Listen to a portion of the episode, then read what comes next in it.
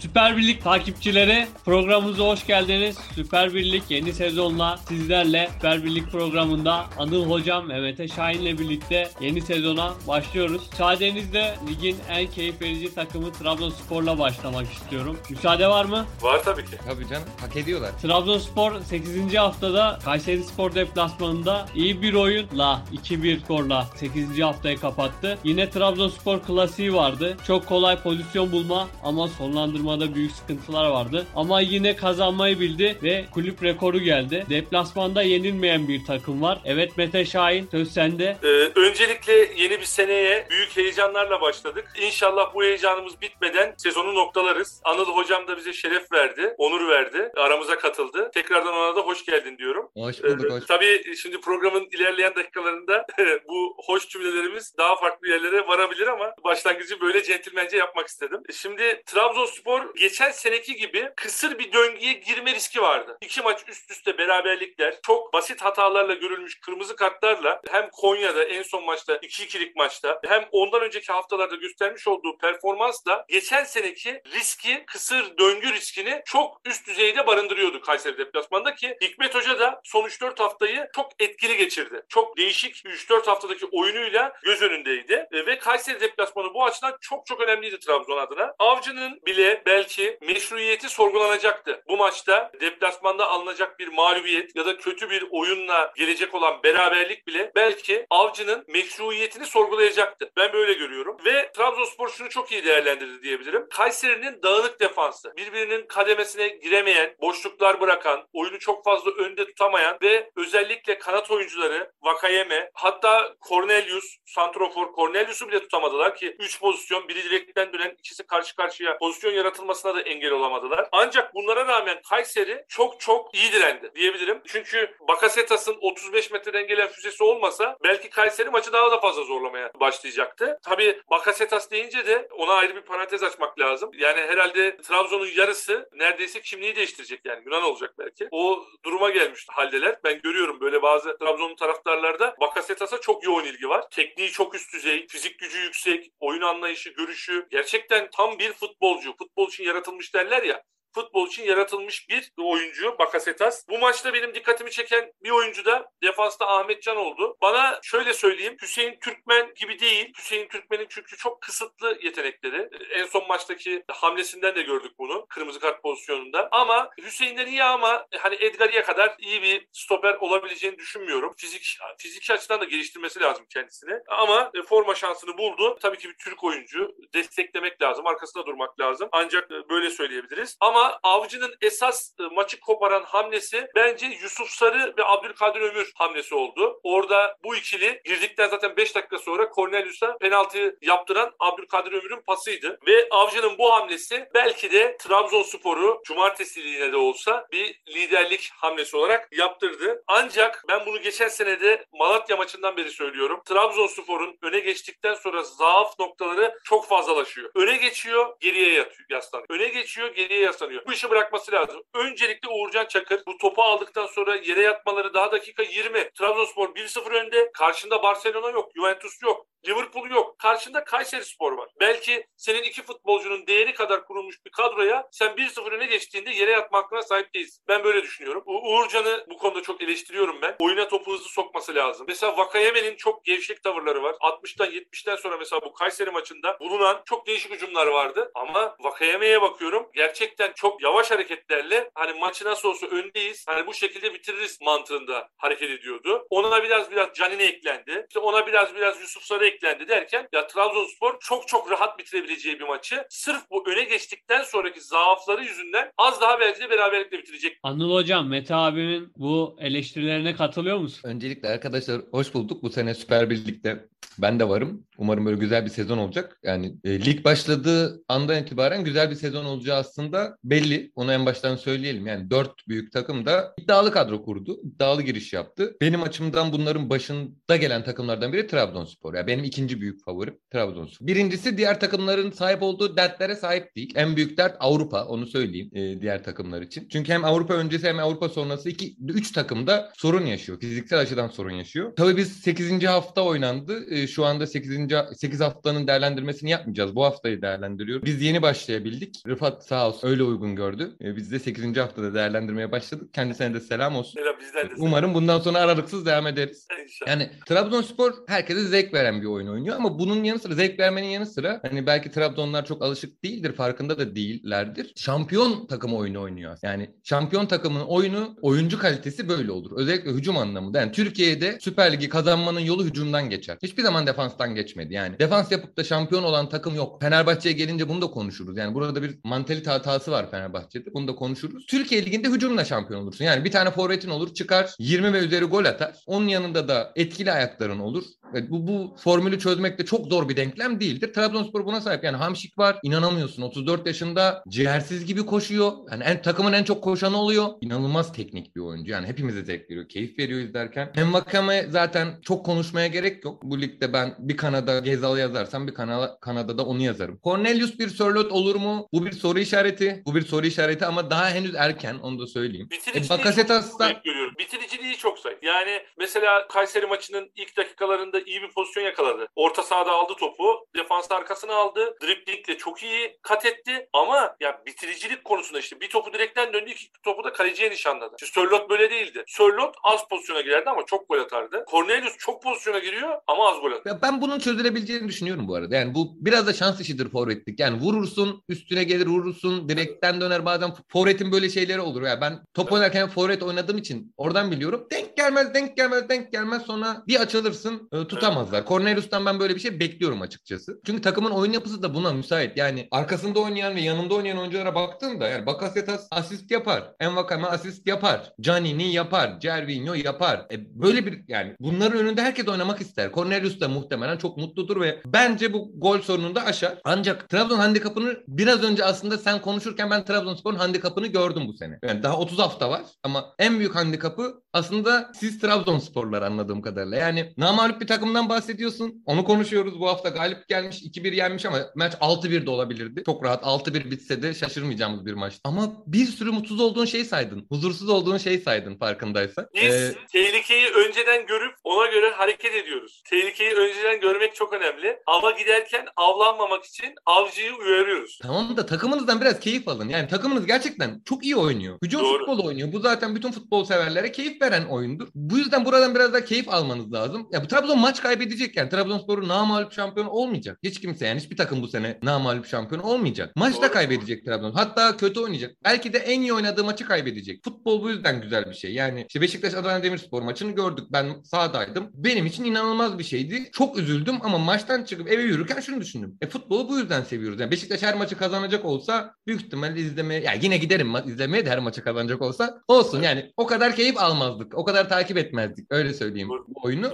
E, Trabzonspor elbette puan kaybedecek. Elbette hata yapacak oyuncular. Elbette her oyuncunun bazı defoları var. Ama yani namalüpsün Galatasaray maçında geriye düşüyorsun. İşte Abdülkadir'i ıslıklıyorsun. İşte İsmail gir. Köybaşı, İsmail Köybaşı öyle ya da böyle. Ben de çok beğenmem ama bir şekilde sol bekin senin. İşte Tronsen iyileşirse muhtemelen onu oynatacaktır. Yerli kuralını çözdüğünde. 8 artı 3'ü Densil çözdüğünde. Tronsen oynayacaktır futbolcu- zaten. Evet. Ama sen İsmail Köybaşı'na da bir şekilde mahkumsun. Artık kadro kurulmuş. En azından devre arasına kadar oynayacak bu oyuncu. Yani sen bu oyuncunun her yaptığı hatada ıslıklarsan bu oyuncuyu kaybedersin. Bu oyuncudan alacağın verimi de düşürürsün. Bu yüzden Trabzonspor'un bence bu seneki en büyük önündeki engel taraftarı. O yüzden deplasmanda maç kaybetmiyor. O yüzden deplasmanda daha rahat oynuyor takım. Daha çok pozisyona giriyor. Kendi evinde risk almıyor bazı oyuncular. Islıklanma korkusuyla. Ama bu, bu haftaki maçta da işte gördüğümüz gibi Kayseri maçı değil mi? 6 olurdu bu maç yani. Hani Cornelius'un biraz şansı yanında olsa, Canini tırnak içerisinde zevzeklik yapmasa o son vuruşta Evet. 6 olurdu çok rahat bu maç. İşte aslında şöyle bir durum var Anıl Hocam. Şöyle kritik bir durum var. İşte 6-1 olacak maç eğer 2-2 bitseydi işte taraftar buna olan tepkisini tamam birazcık yüksek tonajdan bildiriyor ama en azından bu futbolculara bir sarsılarak kendine gelme iklimi uyandıracaktır diye düşünüyorum. Trabzon doğuştan böyle. Trabzon şehri kuruluşundan beri böyle. Ee,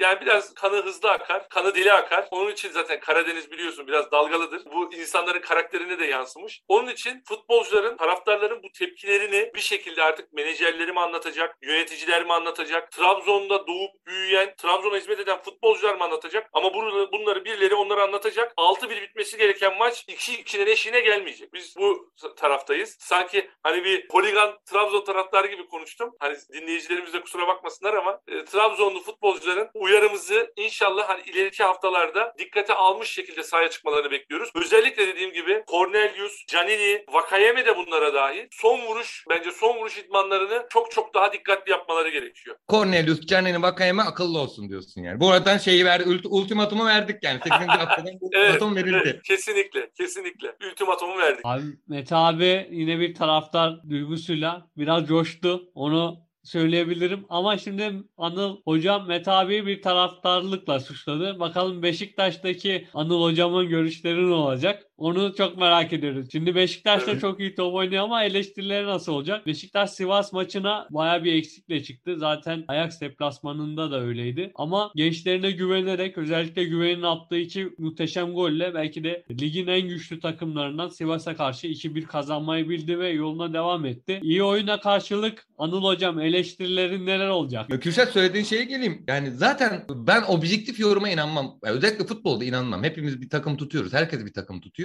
İzlerken de objektif izlemiyoruz. Konuşurken de objektif konuşamayız, olamayız. Çünkü bu şeydir ya bir aşk, bir sevdadır. Yani sevdiğin insana karşı da objektif olamazsın ya bu hayatta. Onu daha iyi görürsün. Hep güzelliklerini görürsün, güzel şeylerini hatırlarsın. Ne bileyim işte unuttum unuttum dersin. Kitabın içinden bir tane not çıkar tamam mı? Bir bakarsın unutmamışsın. Yani o, o objektiflik kaybolur bir anda. O yüzden Kürşat'ın senin de işte Trabzonsporlu olman normal. Mete'nin Trabzonsporlu da normal. Bu, bu işi böyle bakmak da normal. İlk başta onu söyleyelim. E tabi olabildiğince kendinizi eleştirme. Yani real, realist bir şekilde görmeye çalışıyoruz biz futbolu. Ama onun dışında taraftar olmakta ya da taraflı olmakta hayatın hiçbir alanında bence bir sorun yok. Hemen Beşiktaş Sivas maçına da bağlayayım buradan. Şimdi ben İstanbul'da olabildiğince her maça gidiyorum. Olabildiğince derken aslında her maça gidiyorum. Ama bu maça gidemedim. Hemen ilginç bir şey söyleyeyim. Çünkü Adana Demirspor maçındaki gözlemci tam tamına 51 bloğa, stattaki 51 tane bloğa ceza verdi ve sevk etti PFDK'ya. O yüzden de bütün bloklardaki seyirciler ceza aldı. Yani stadyumun hepsi. Adana Demir maçındaki herkes cezalıydı. O yüzden bu maça gidemedik biz. Sivas maçına bilet alamadık. Sahaya cisim mi atıldı Anıl Hocam? Sahaya... Hayır. Şey yazıyor e, küfür ve çirkin tezahürattan dolayı sevk edildik. 22 işledi yani. Ama nasıl bir işleme bu? Yani suç dediğimiz şey şahsidir. Şimdi Evet. ben küfür etmediysem benim suçum ne? Benim niye küfürümden- dönüldü Pasolige bunun için dönüldü. Bireysel olacak ceza. Yap, yanlış yapan ceza alacak diye dönüldü. Ama böyle toplu uygulamalar yapılacaksa Pasolik'te kalksın o zaman. E, tabii ya ne gerek var ki o zaman yani bütün sen bütün tribünü kapatıyorsan e, küfür edildi bütün stadı kapattım de olsun bitsin yani bu yüzden maça gidemedik ya, bunun hukukçular muhtemelen şeydir e, bundan daha yanıdır ama suç şahsidir yani burada bir suç varsa disiplin Evet. kuruluna sevk etmeyi gerektirecek kim küfür ettiyse Pasolik kartını zaten bu yüzden oturduğumuz yerler belli, kameralar var statta. Tespit edersin. Bireysel olarak cezayı verirsin. O insanlar bir sonraki maça gelmez ama ben gidemedim mesela. Benim Evet. olduğum tribün ceza aldığı için. En başta oradan başlayayım. O yüzden de Evet. stat'tan izleyemedim bu maçı. Televizyondan izledim. Ee, Beşiktaş'a gelecek olursak tabii Beşiktaş bu sene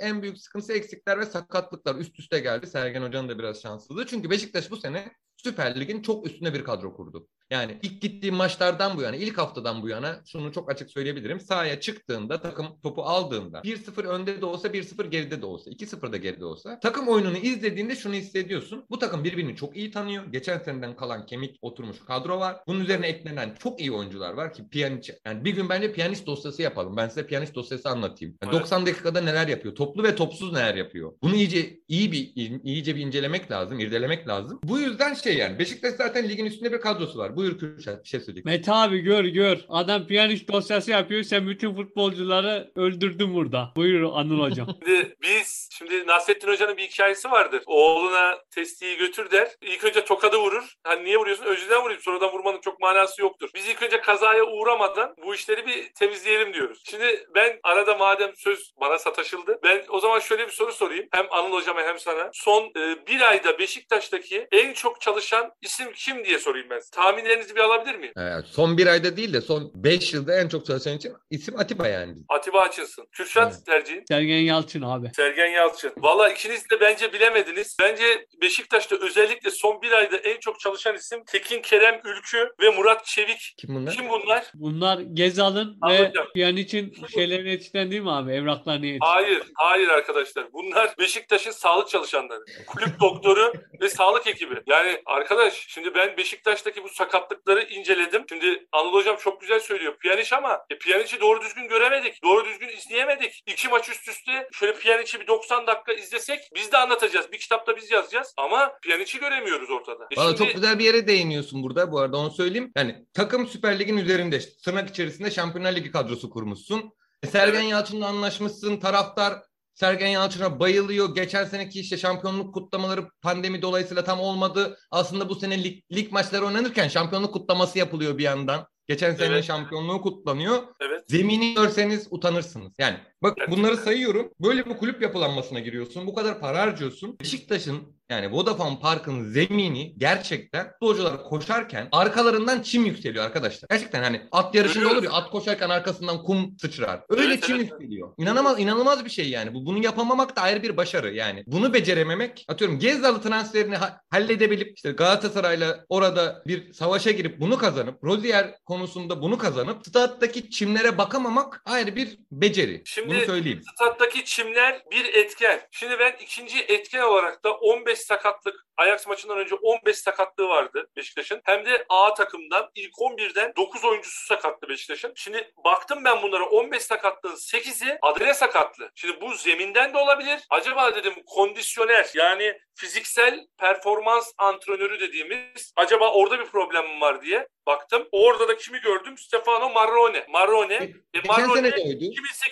de oydu. 2008-2009'da Tayfur Avutçu ile beraber şampiyonluğu kazanan ekibin kondisyoneri. Sergen Hoca ile Alanya'da beraberlerdi. Buraya da devam eden süreçte e, geldiler hizmet veriyorlar. Acaba dedim hani fazla yüklemeden dolayı futbolcuların bu tarz adalet sakatlıkları çoğaldığı zaman ilk eleştirilecek kişi kondisyoner olur. Tabi doğru Avrupa ülkelerinde olur bu. Dediğin gibi zemin kusursuz olur. Hani sadece kondisyonere yüklenilir. Ama dediğin gibi burada belki zeminden kaynaklı bir problem de olabilir ama zemini düzgün olan 3 tane stat sayamazsın zaten Türkiye'de. Ya ben Beşiktaş'taki bu sakatlık sorununun iki tane temel sebebi olduğunu düşünüyorum bu arada. Senin dediğine paralel bir şey söyleyeceğim. Hani bu adele sakatlıkları niye oluyor? Yani bu kondisyon niye aslında kaldırmıyor? Birincisi zemin evet. Ama ikincisi de futbolcuların kendine iyi bakmaması. Yani futbolcuların kendine bakması sadece itman yapmakla ne kadar itman yaptığınla ilgili bir şey değil. Kondisyonerin de burada yapabileceği bir şey yok. Futbolcunun normal hayatına kendine nasıl baktığı bir şey değil. Yani baktığıyla ilgili bir durum var burada. Beslenmesine dikkat ediyor mu? Uykusunu düzgün alıyor mu? Antrenman dışındaki çalışmalarını yapıyor mu? Özel hayatını nasıl yaşıyor? Bazı zararlı maddelerle e, ilişkisi nasıl? Bununla çok ilgili bir şey. Bunu söyleyeyim hani şu anda yakından hani futbolcularla da biraz tanışma fırsatım olduğu için onların da bana verdiği bilgiyle aslında bunu biraz söylüyorum. Bir futbolcu Nun adelesi sürekli atıyorsa bu sürekli zeminden ya da kondisyonunun eksik olduğundan dolayı değildir. İşte Fenerbahçe'deki İrfan Can örneğini böyle vere- vereceğiz yani. Fenerbahçe'ye geldiğinde konuşacağız. Bu futbolcunun kendisine bakmamasıyla ya da düzgün bakmamasıyla ilgili bir şey. Beşiktaş'ta da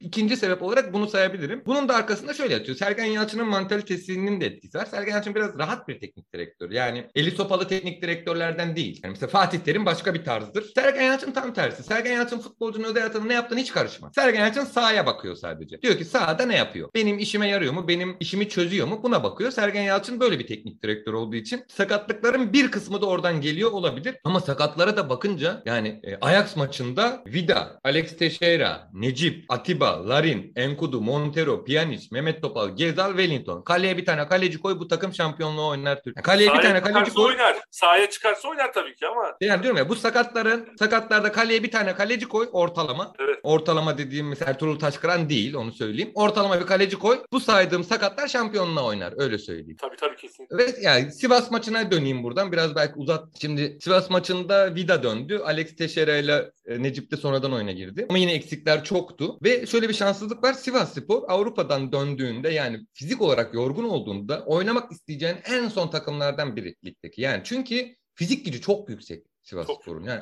inanılmaz temaslı futbol oynuyorlar. Ve bu yüzden de aslında bir şanssızlıktı bu. Ama Beşiktaş kendi evinde gerçekten başka futbol oynuyor. Başka bir inandırıcılığı var. Yani galip geleceğini inandırıyor. Karşı takımı da inandırıyor. Yani Beşiktaş'ın sahasına gelenler biraz geçen senenin de etkisiyle biraz çekinerek oynuyorlar açıkçası. Çünkü takımın mantalitesi şu. Yani 3 atıp durmayı düşünmüyor. 4, Evet. 5, 6 yani. Çünkü zaten Sergen Yalçın'ın mantalitesi de bu. Dünyada belki de bir ilk herhalde bir futbolcuyu sakatladınız. Ee, İnönü'deki taraftar Timo Werner'in Adam kulağını sağır ediyordunuz az da. Yani Beşiktaş taraftarının böyle de hani fiziksel de bir baskısı var. Hani sadece tezahürat, atmosfer değil, işin fiziksel boyutuna da etkisi olmaya başladı.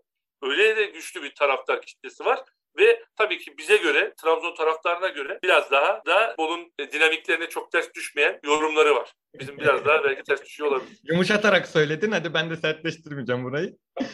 Gelelim Sivas maçına.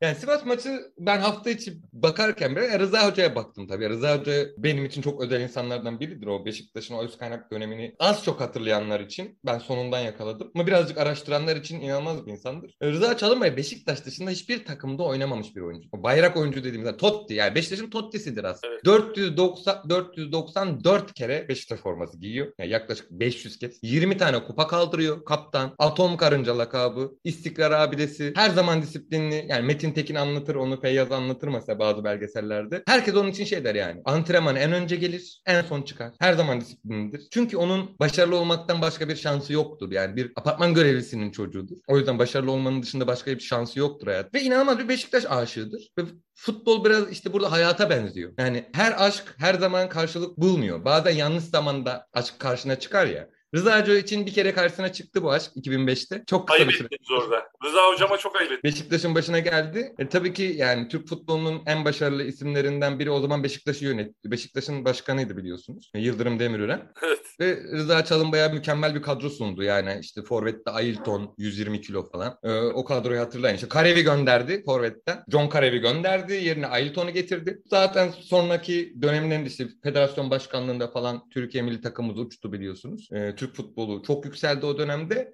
Yıldırım Demirören döneminde bir buluşmuştu e, Beşiktaş'la. Çocukluk aşkıyla, hayatının aşkıyla ve kısa sürdü bu. İşte bazen aşklar kısa sürebiliyor çünkü doğru zaman olmuyor. Ama bu gerçek aşkların ben doğ bir zaman doğru zamanda tekrardan bir araya geleceğini düşünüyorum. Yani Rıza Çalınbay bir gün yine Beşiktaş'ın başına gelecek ve Beşiktaş'ı şampiyon yapacak. Yani bunu çok hak ediyor. Bunu çok istiyor. Ama inanılmaz da profesyonel bir insan yani. Çıktı Sivasspor çok güzel top oynadı bence. Yani kıran kırana bir maç oldu. Bu maç çok ortadaydı. Güven inanılmaz bir gol attı 32. dakikada. Yani hani Güven Yalçın belki ayrı bir parantez açılır. Almanya altyapısından, Leverkusen altyapısından geldi Beşiktaş'a. 3-4 yıldır da Beşiktaş'tan. Yeni de oyuncu değil ama Güven Yalçın'da bir takım oyunu eksikliği var. Yani takım oyununu oynayamıyor. Yoksa bireysel olarak yetenek sorunu yok. Ama ne zaman pas vereceğini, ne zaman şut çekeceğini bilmiyor. Yanlış zamanda şut çekiyor, yanlış zamanda pas veriyor aslında. Bunu öğrenebilirse Sergen Yalçın da bunun için çok doğru bir adres. Yani hücum futbolunu öğretme açısından çok doğru bir adres. Güven Yalçın bu takıma ikinci forvet olarak her zaman katkı sağlayabilir. İnanılmaz bir gol attı. Belki işte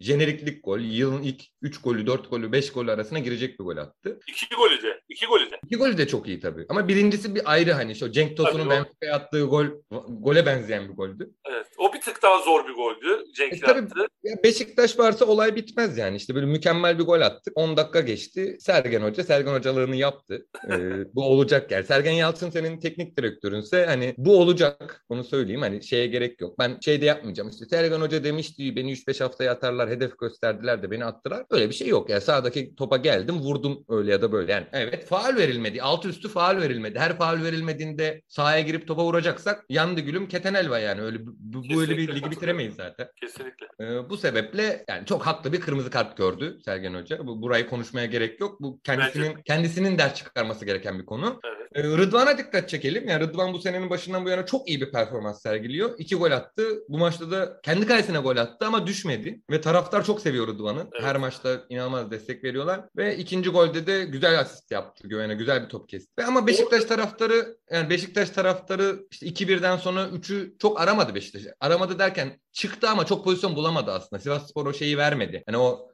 ileriye çıkayım defansı biraz boş bırakayım olayını yapmadı. Kontrollü gitti. 82. dakikada da yani verilmiş sadakalar işte muhtemelen Cuma günü Beşiktaşlı taraftarların verdiği sadakaların e, geri dönüşü oldu. Öyle söyleyeyim. Oradan bir geri dönüş oldu ve Pedro Henrique yani boş kaleye topu gönderemedi. Vuramadı. Vuramadı. Topa Vuramadı. vuramadı yani. Ve 2-1 bitti maç. Ama esas olan şey şuydu yani bu kadar eksikle ve milli arada bu eksiklerin neredeyse tamamı dönecek. Sivas gibi bir e, takımla oynuyorsun. Avrupa'dan dönmüşsün, yorgunsun. Büyük bir mücadele vermişsin. 3 puanla milli araya girdin. Beşiktaş için şunu söyleyebiliriz bundan sonrasına dair. Ben Fenerbahçe, Galatasaray ve Trabzonlu olsam Beşiktaş Avrupa'dan elenmesin derim. Öyle söyleyeyim. Elenmesin. Çünkü bu takım ideal kadro, sakatlıksız kadroyla kalan maçlarının hepsinin favorisidir. Yani çıktığı her maçın favorisidir Beşiktaş. Öyle söyleyeyim. Yani hangi takımda nerede oynuyorsa oynasın bu kadroyla, bu oyunla futbol belli olmadı. İşte Adana Demirspor maçını gördük ama her maçın favorisi olarak çıkar sahaya. Bunu söyleyeyim. Beşiktaş taraftarı mutlu. Yani işte maç öncesi çarşıya gittiğinde bunu görebiliyorsun. İşte Adana Demirspor maçı sonrası da yani ben çarşıdan geçtim. İnanılmaz bir maç döndü. Balotelli'ye kızgınlık vardı. Öyleydi, böyleydi ama tarafta herkes şuydu yani. Hani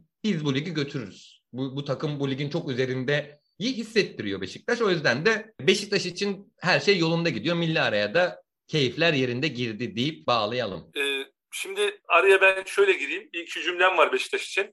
Bence Beşiktaş için sakatlıklarda önemli olan unsur şu oldu. Gençleri görme fırsatı yakaladık. Anıl Hocam. Nereden görecektik biz Serdar Saatçi? Nereden görecektik biz Can Bozdoğan'ı? Onları da izleme fırsatı bulduk. Rıdvan'ı bu kadar geniş geniş seyredebilme fırsatı bulduk. Mesela Rıdvan'a bazı Beşiktaş taraftarları tepki gösterdi. Golde vurdu. Rıdvan orada fazla mücadelesinin etkisini gördü. Kendi attığı golde. Yani kademe anlayışı. Kademeye girdi. Adamla beraber ceza sahası penaltı noktasına kadar geldi. Orada ters bir top dediğin gibi. Yani nasıl ki forvet atamaz atamaz birden atmaya başlar. İşte topu uzaklaştırmaya çalışırken kendi kalesine bir gol attı. Ama hemen bunun yani resmen hıncını aldı. Müthiş bir orta. Güven'in tam kafasına gelen bir orta. Güven de çok estetik vurdu. Ama ben şunu söylüyorum. Beşiktaş'ta bu kadar sakatlıklar olmasa ne Güven'i, ne Can'ı, ne Serdar'ı bu kadar fazla görebilme şansımız yoktu.